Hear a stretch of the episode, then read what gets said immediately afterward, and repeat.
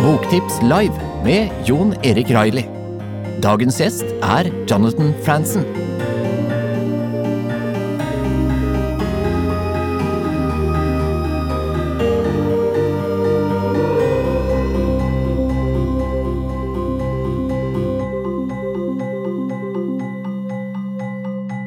For ca. ti år siden så møtte jeg Jonathan Franzen på uh, Litteraturhuset for å snakke om frihet, uh, sånn rundt da den kom. Og det var et veldig hyggelig og tankevekkende møte. Og nå skal vi møtes igjen uh, digitalt for å snakke om Korsveien. So, uh, just to start out, I mean, Crossroads, it's, uh, as I mentioned briefly in my email, it's a type of novel that's thought provoking in a way where you really just want to talk about it with people and discuss the content of it. But I think for a lot of Norwegian readers, it might be helpful to just start out with the, the, the simple aspects of what this is about. And um, we start out with Russ, who is uh, a religious man, and he is at present in the very opening um, enamored with a young widow in the same sort of congregation. Um, what brought you to sort of find this Russ character and start exploring him?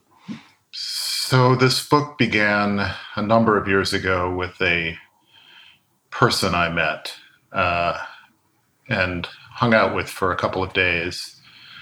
I'll never see him again, but um, I I was taken with him. I thought, oh, there's a character and one of the things about him was that he came from a family of Mennonite ministers. And uh, really, the idea for a book came to me at the same single moment of really liking this guy and realizing I'd never written about religion, which connected with some thoughts I'd been having about. Uh, about mythologies in general, not just religious mm. mythologies, but the kind of persistent mythologies, even among non believing people. Um, I'd been encountering that in uh, some of my climate writings and some of the controversy that arose from my climate writings. Uh, a sense that even though people are not religious, they still have dogmas, they still have stories of personal salvation.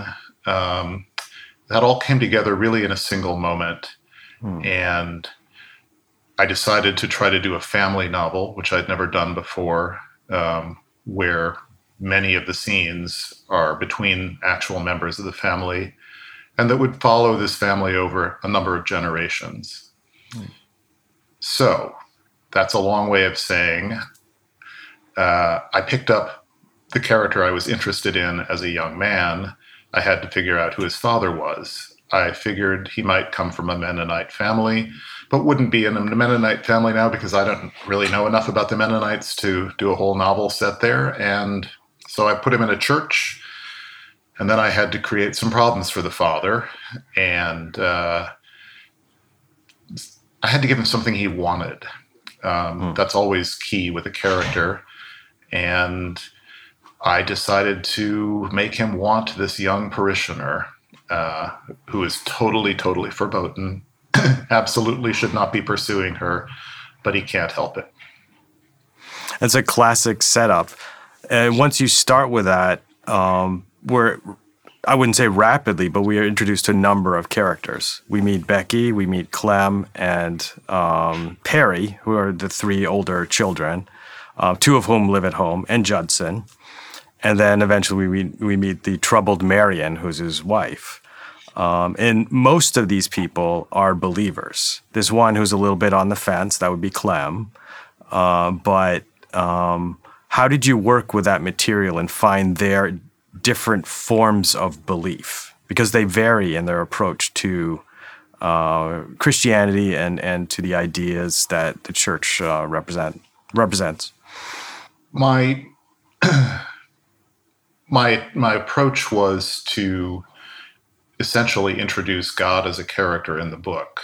Uh, we never hear from God ourselves uh, as readers, but um, that God is a is, is someone with whom the various characters have a relationship and are in conversation with. uh, so in in a way, I always start with character, and my approach to faith was via character, and my own my own involvement in religious faith, which did not succeed in making me a believer, was narrative. I grew up hearing the Bible stories. I grew up reading the Bible stories, and those those are powerful stories, both the Old Testament and the New Testament. There's a reason that great religions were founded on them. They're incredible stories, and so this was very much to my taste because I'm a storyteller and I work with character, and that was that was the way in for me. One of the great things about this book, um, I don't want to reveal too much of the plot because it's so um, uh, refreshing to just be like bathe in that drama as a reader.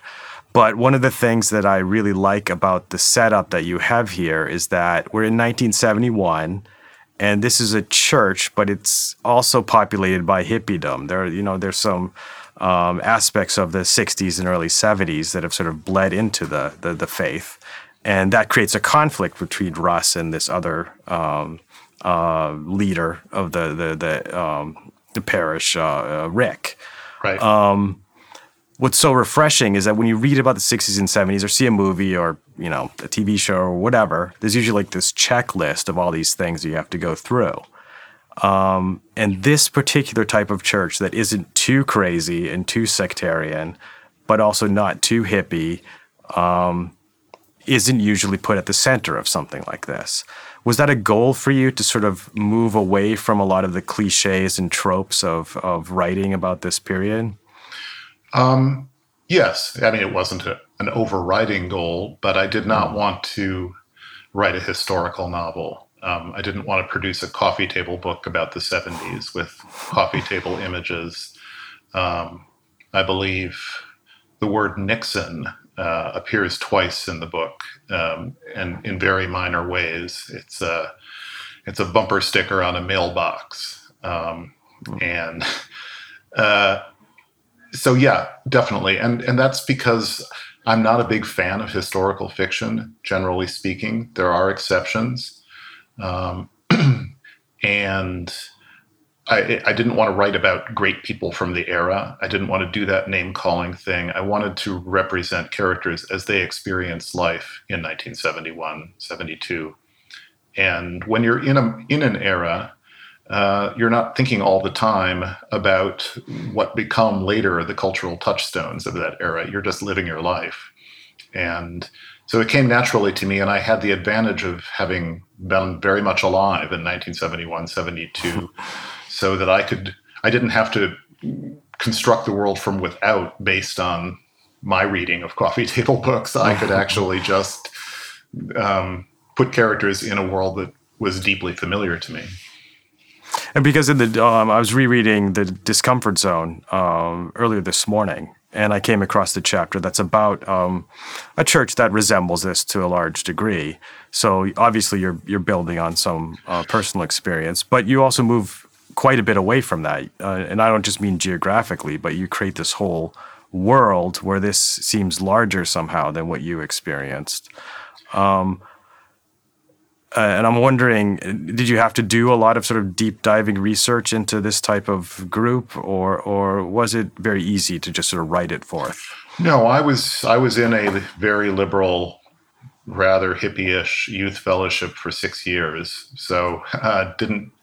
But but but I will say, um, I had done research when I wrote that chapter of the discomfort zone 15 years ago. I had traveled around the country talking to alumni of that youth group. And um, God bless the younger me, I'd actually taken notes on all of that. So I had mm. a couple hundred pages of notes from those conversations so that when I needed a detail, like what are the kids doing on a Sunday night? They're doing these sensitivity training exercises. I found a list of 20 exercises that people remembered doing. So that um, I, in a sense, the research was done, but I wasn't, but I had done it 15 years ago, not thinking of any hmm. future for it. Um, the, the group that we're talking about, I, I was thinking about how, um, as I was reading it, when we're presented with religious groups, particularly maybe in um, news in the United States, it's often these huge evangelical groups or you know something like that that have a political slant that's pretty clear. Um, and then I, I came across a factoid that Jesus Christ Superstar is 50 years old. That was 1971 apparently when it premiered. Right. And I can re- and I can remember. Uh, uh, I was born in 70, but I can remember this type of of church being around.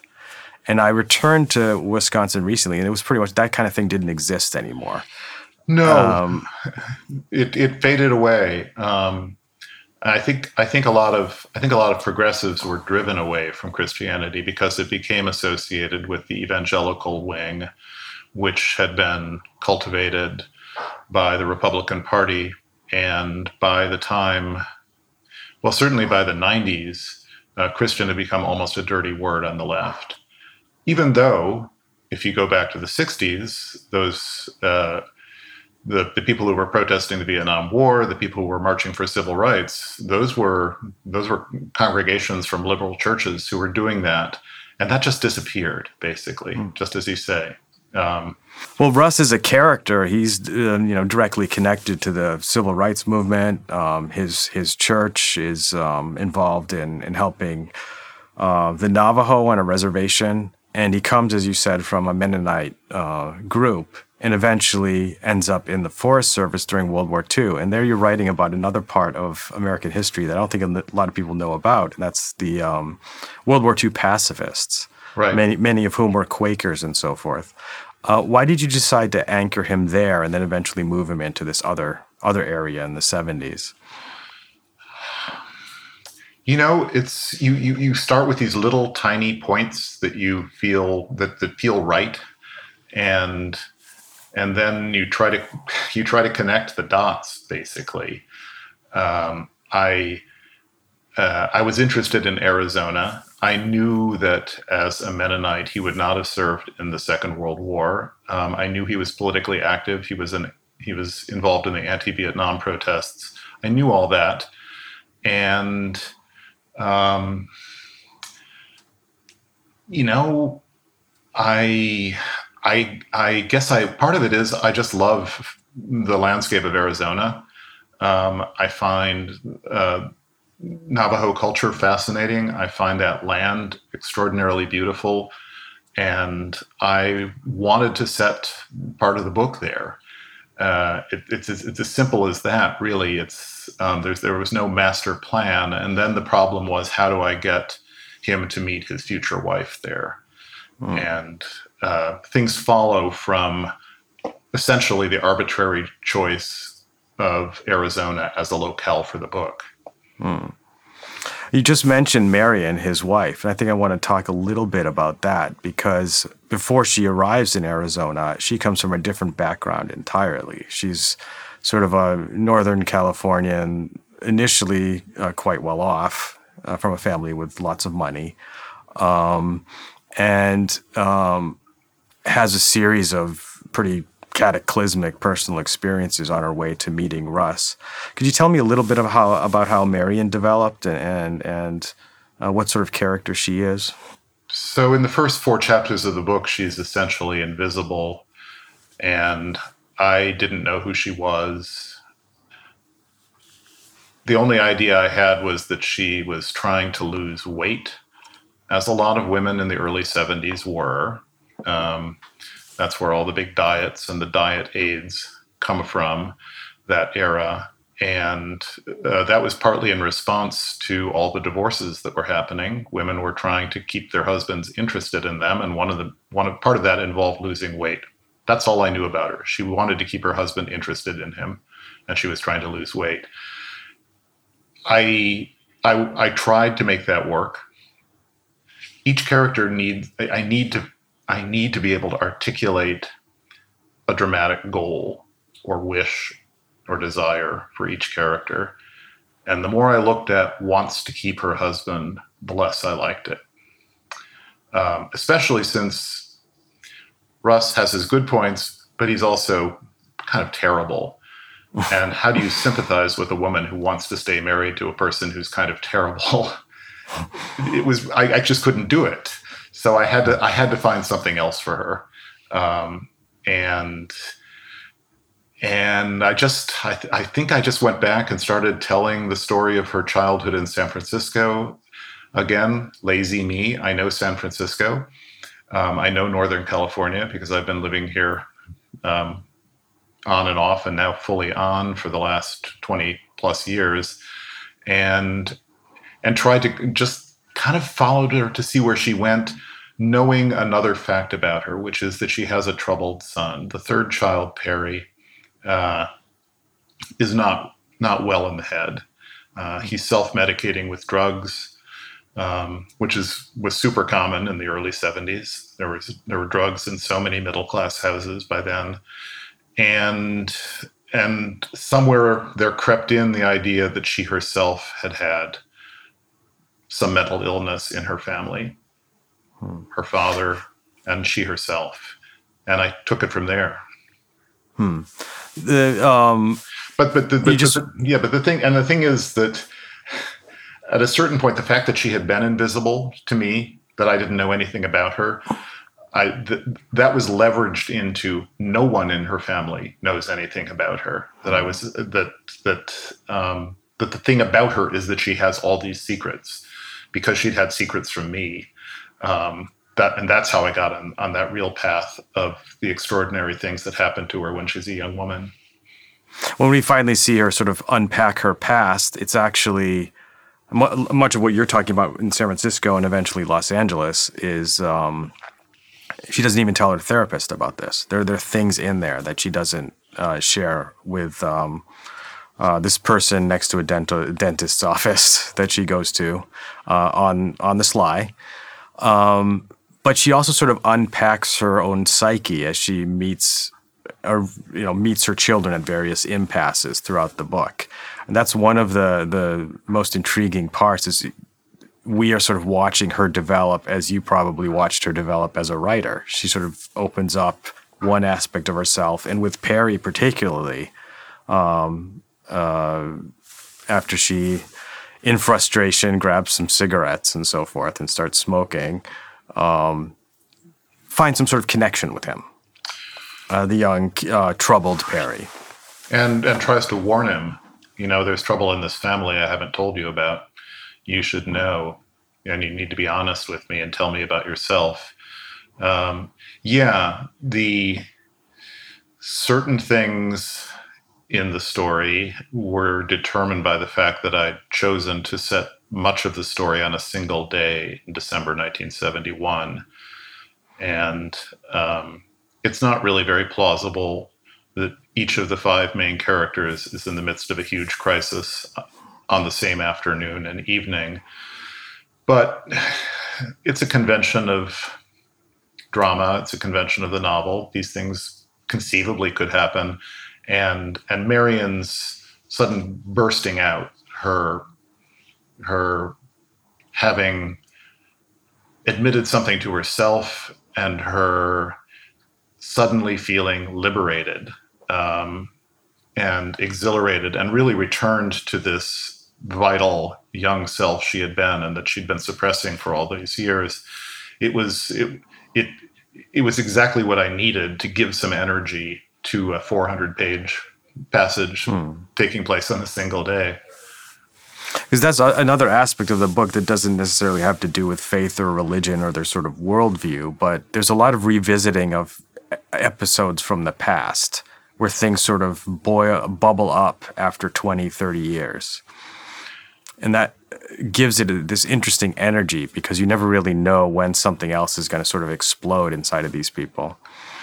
Yeah, and that I mean, I have a particular fondness for narrating backstory, um, for dropping out of the present into a narrative of a certain length that takes place many years earlier.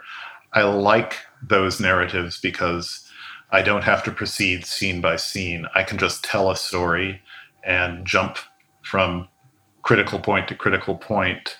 Um, it's it's part of a discovery I made many years ago, which is that in writing classes, the instruction is always show, don't tell. And I I would turn I almost want to turn that around and say tell, don't show, because telling is much more focused and energetic, and it's rather laborious to keep having to show everything. Well, the, the show don't tell uh, sort of dichotomy um, makes me think of something else about this novel because it it it has a lot of um, similarities to your last three novels. You know, Purity, uh, Freedom, and uh, The Corrections, in the sense that it it focuses on it focuses on a theme or two and uses them. It's a novel of plot, but it's also a novel of ideas and and ideology and and so forth. But in this case, I, found it. If I in the other ones, I can sort of they're full of fully rounded characters, but I can sort of find okay, here's what Jonathan Franzen is probably trying to say. I can sort of focus, okay, in the environmentalism aspects of freedom, I think I know where he's going with that. In this one, I don't really know always where you're going with religion, and that's what keeps me constantly intrigued. Like, where are, where is your idea about what faith sh- should or can be? Uh, was that freeing for you somehow, or is that more just a, a case of having done this a few times? It's a good question. Um, I, I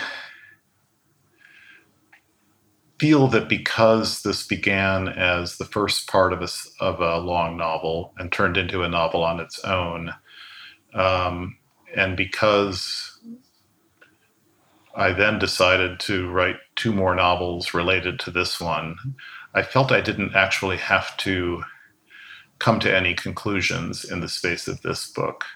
That uh, I could lay track both conceptually and in terms of the ideas, and definitely in terms of story, setting up later story without having to go all the way down that track. Uh, the I, I, I am up to something with religion, but I have not fully articulated it even to myself, and I still have uh, supposedly two more books in which to to nail that mm. down for you. Well, look forward to that. The um, because you mentioned the word um, mythologies, and that's the overarching thing. The um, um, uh, you have to remind me of the the the title for the whole series. A key the, to all mythologies. A key to all mythologies. So clearly, you're developing some other mythologies as well, because Carl Jung pops up here, here and there, um, in conversations with Rick. So there are some other things that are will be fleshed out. I'm assuming. Well, yes. Um, I mean, I'm just I'm looking around the world today, and I see, I see both. I see crazy things. Um, I see the compatibility of evangelical religion with the phenomenon of Donald Trump.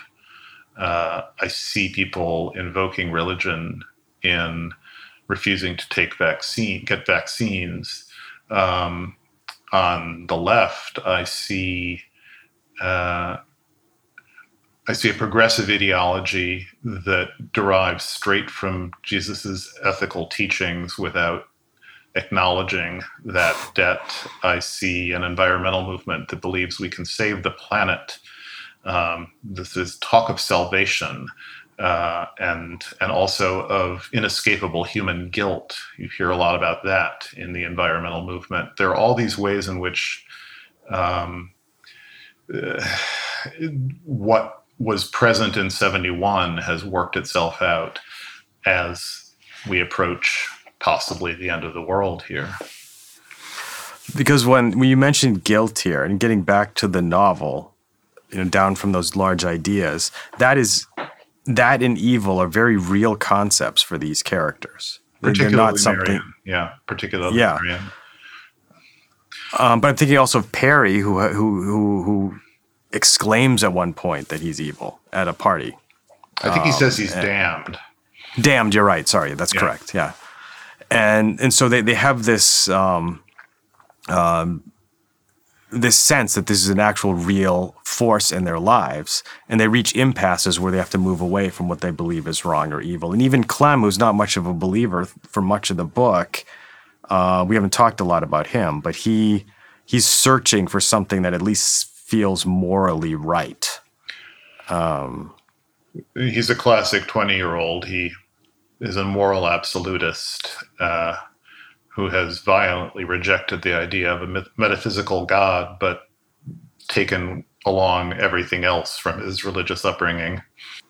Could you t- talk a little bit about him and, and, why you chose to develop him? He, I mean, we can reveal that he uh, wants to join, or he's been drafted, I guess it is, and wants to join uh, the Vietnam conflict at a time when that's being ramped down. Right. Um, what, what, sort of um, what sort of person is Clem, and why did he intrigue you? Uh, Clem, Clem was really the origin of the book. Um, I I feel I know who Clem is at the age of seventy, hmm. um, so I know what Clem becomes, and this was this was an attempt to imagine what he would have been like at the age of twenty. He's he's an intellectual um, uh, with a very strong sense of right and wrong. He's in mortal combat with his father, trying to prove himself stronger than his father. Um, very age typical things, all of hmm. these, and uh, and he doesn't know what to do about sex. It's it's so overwhelming for him. It it, it threatens to just completely disable him. Um, and we don't actually see that much of him. He's the we see the least of him of any of the five main characters, and that's partly because I know at the back of my head we're going to be seeing a lot more of him later. Mm. Um, there is an important, a very, very important fact, which is that he is kind of in love with his sister, certainly absolutely loyal to his sister. Um, that was that was a key uh, for me. It was a very difficult thing to do was to to portray a relationship between siblings that is very, very intense, uh, and without being icky, without mm without without having a, an incest component to it. Um, so that's those are those are the main points about Clem. And yes, he is determined to uh, prove a moral point to his father by making himself eligible for the draft. And he, um, just to focus a little bit more on him and, and, Becky before we sort of eventually close, I have a couple more questions I'd like to ask you. But um, in Becky receives an inheritance from from her his sister that you were talking about received an inheritance from her aunt, uh, and um, this amount is given to her because she was particularly nice to her aunt. But it also becomes a symbolic thing throughout the family because every single child has inherited some sort of ideology or way of thinking that um, they have to grapple with and somehow use. Uh, Becky is the one that we see have clearest examples of religious experience. And she has what are you know visions of light and so forth. Um, what intrigues me about her is that she seems so pure as this develops over time. It's almost as though she's too good for this family. Um, and at the same time, she has this this sentence that I, I had to just like jot down, where she says the Bible to her brother Clem. Uh, the Bible doesn't tell us to like our neighbor because a person can't control who she likes. Um, what sort of person is Becky, and where are we going with her? Uh, Becky was a real problem for this book because when we meet her, she's the most popular girl in high school. Um, she was a cheerleader but decided the only thing better than being a cheerleader is somebody who quit being a cheerleader. That's like so she's she's she's the queen of her high school class. She's she's said to be very pretty as well. Um, and man, are you starting with two strikes against you as a novelist when you say someone is popular and pretty? It's very hard for me to sympathize with that person. Um, and eventually, um, and, and and and she's she's accustomed to everyone thinking she's great. She's accustomed to being wanted. She feels great about how popular she is. And part of her religious awakening is recognizing, oh, but I'm terrible. I'm selfish.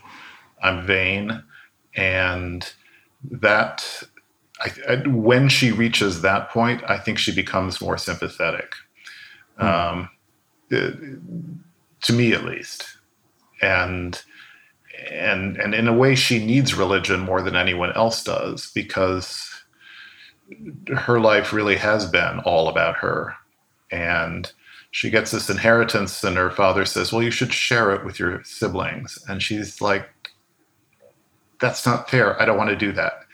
Um, she's not good, um, mm. but but but she but but but she gets so much approval from everybody that it's very hard for her to reach the point of seeing that she's not good. Hmm. Uh, just a, a, few more questions um, to sort of, sort of sum this up at the end here. I was um, when we run through all these characters, it's as though they are constantly reaching these impasses, either with one another or with themselves uh, as they develop. And there are impasses that you can you know trace to that that part of the discomfort zone that that we talked about the the, the chapter about your own experiences with this sort of group. Um, but you've been very true to the division between the novel and autobiography, even though you can see that connection. As soon as I start reading this book, I know that this isn't Jonathan Franzen's ex- direct experience of, of that place. Um, in Norway, France, in the U.S. too, this auto fiction is everywhere and has been for the past ten years. Uh, why do you? I think I know the answer to this, but I want to ask it anyway. Why do you f- still remain true to the, what you can reveal about experience through fiction? Speaking for myself, my life is boring, and um, I'm a good enough writer that I can persuade you for some pages of an essay that it's interesting. I would note that my one autobiographical book, The Discomfort Zone, is very thin. Mm. And it contains pretty much every interesting thing that happened to me in my life. um, and uh, yeah, I've, I've, I've gone further and argued that uh, life is so random and and mundane that it's very hard for the facts about any person's life to get at the deep things that are going inside going on inside the person. Um, you need to invent. You need to draw in brighter bolder colors and you need to engineer profound conflicts real impasses because the stuff is going to stay buried unless you bring that additional energy of invention to it. So, inve- when you say invention, it's it's our way of of connecting more strongly with characters and and what makes people tick. Sort of is that what we're talking about here? Or? Yeah, but also um, the example I like to give is Kafka's Metamorphosis. Uh, he made up a story about a person who wakes up and finds himself an insect and I would say that that was the better way for him to talk about what it was like to be living with his family when he was too old to be living with his family. Um, if he had just described the facts, then it would have been, well, dad said this and mom said that, and oh, I felt this and I felt that. It doesn't get at how unbearable it was for him in that mm. household. But have him turn into an insect, you get it immediately and you go really deep, and things happen that wouldn't happen in real life, but that reveal more than anything in real life could. Well, I'm certainly grateful for this novel, Crossroads, and and what it's opened up, and um, uh, it's um, it's full of sort of unpackings of different ideas about what it means to be human in a way that's entertaining, and and I'm happy for that. So, thanks. I'm sorry we couldn't do this in person at the Literature House, but uh, maybe next time around. Yeah, next time around. Well, thanks so much for taking out time, and I hope um, hope it continues to rain in California. Thank you, Jan Eric. Take care. Take care.